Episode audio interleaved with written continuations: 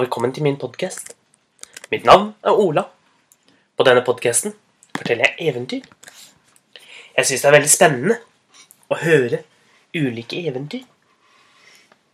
Noen ganger så liker jeg å høre eventyr jeg har hørt mange ganger før. Mens andre ganger liker jeg veldig godt å høre på helt nye eventyr jeg ikke har hørt om før.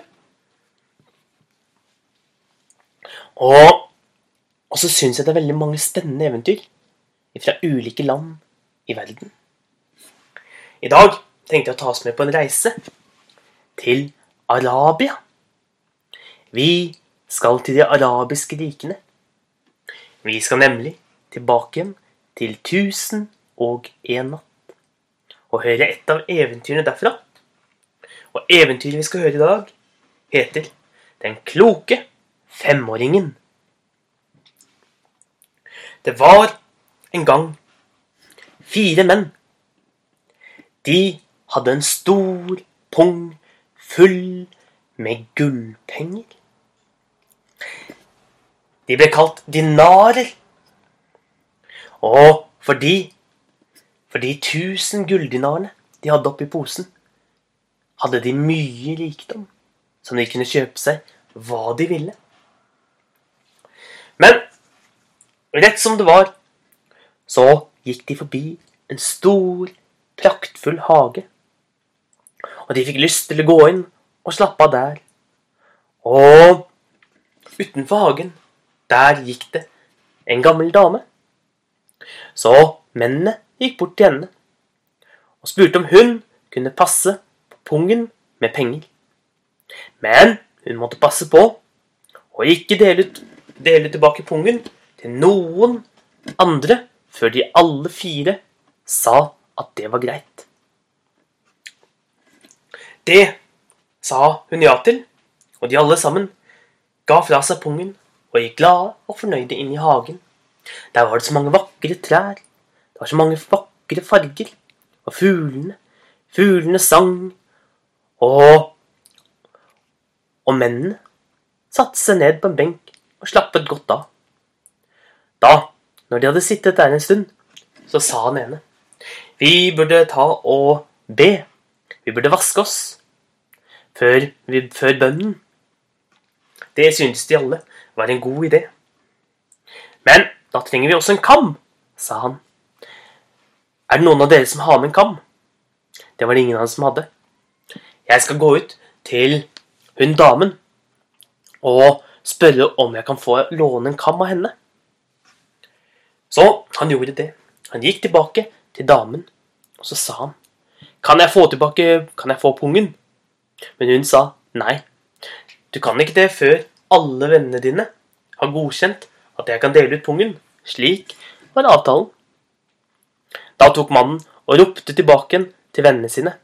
Hun vil ikke gi den fra seg. Da de trodde jo selvfølgelig at det var kammen hun snakket om.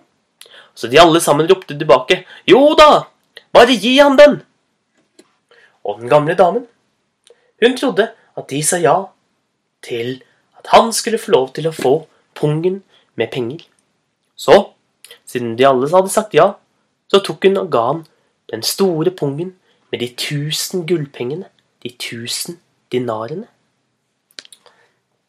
Og så skyndte han seg av gårde, det forteste han kunne, og forsvant. De andre satt og ventet og ventet, men ingen kom tilbake igjen. Etter hvert så ble de lei av å vente, og de gikk tilbake til den gamle damen og spurte spurte om øh, hvor mannen var som hadde spurt etter kammen. Og det har ikke vært noen mann her spurt etter kammen, men kompisen deres spurte om å få, få pungen med gullpenger. Og så ropte dere ja. Og da fikk han den. Da ble mennene helt fra seg. De begynte å rive seg i skjegget rive seg i klærne. Og, og de slo i bakken med hendene sine. Så snudde de seg mot henne og ble skikkelig sinte på henne. De begynte faktisk å slå henne. Til slutt så tok de henne med til Kadian. Det er det samme som dommeren. Og så fortalte de alt sammen. Og dommeren, han sa at den gamle damen skulle erstatte pungen. Hun måtte gi tilbake det samme som hadde vært i pungen. Og, og nå gikk den gamle damen bortover veien og gråt. Hun var så lei seg, og hun visste ikke hvordan hun skulle skaffe tusen gulldinarer. Da, da kom en liten gutt på fem år bort til henne og spurte hvorfor hun gråt.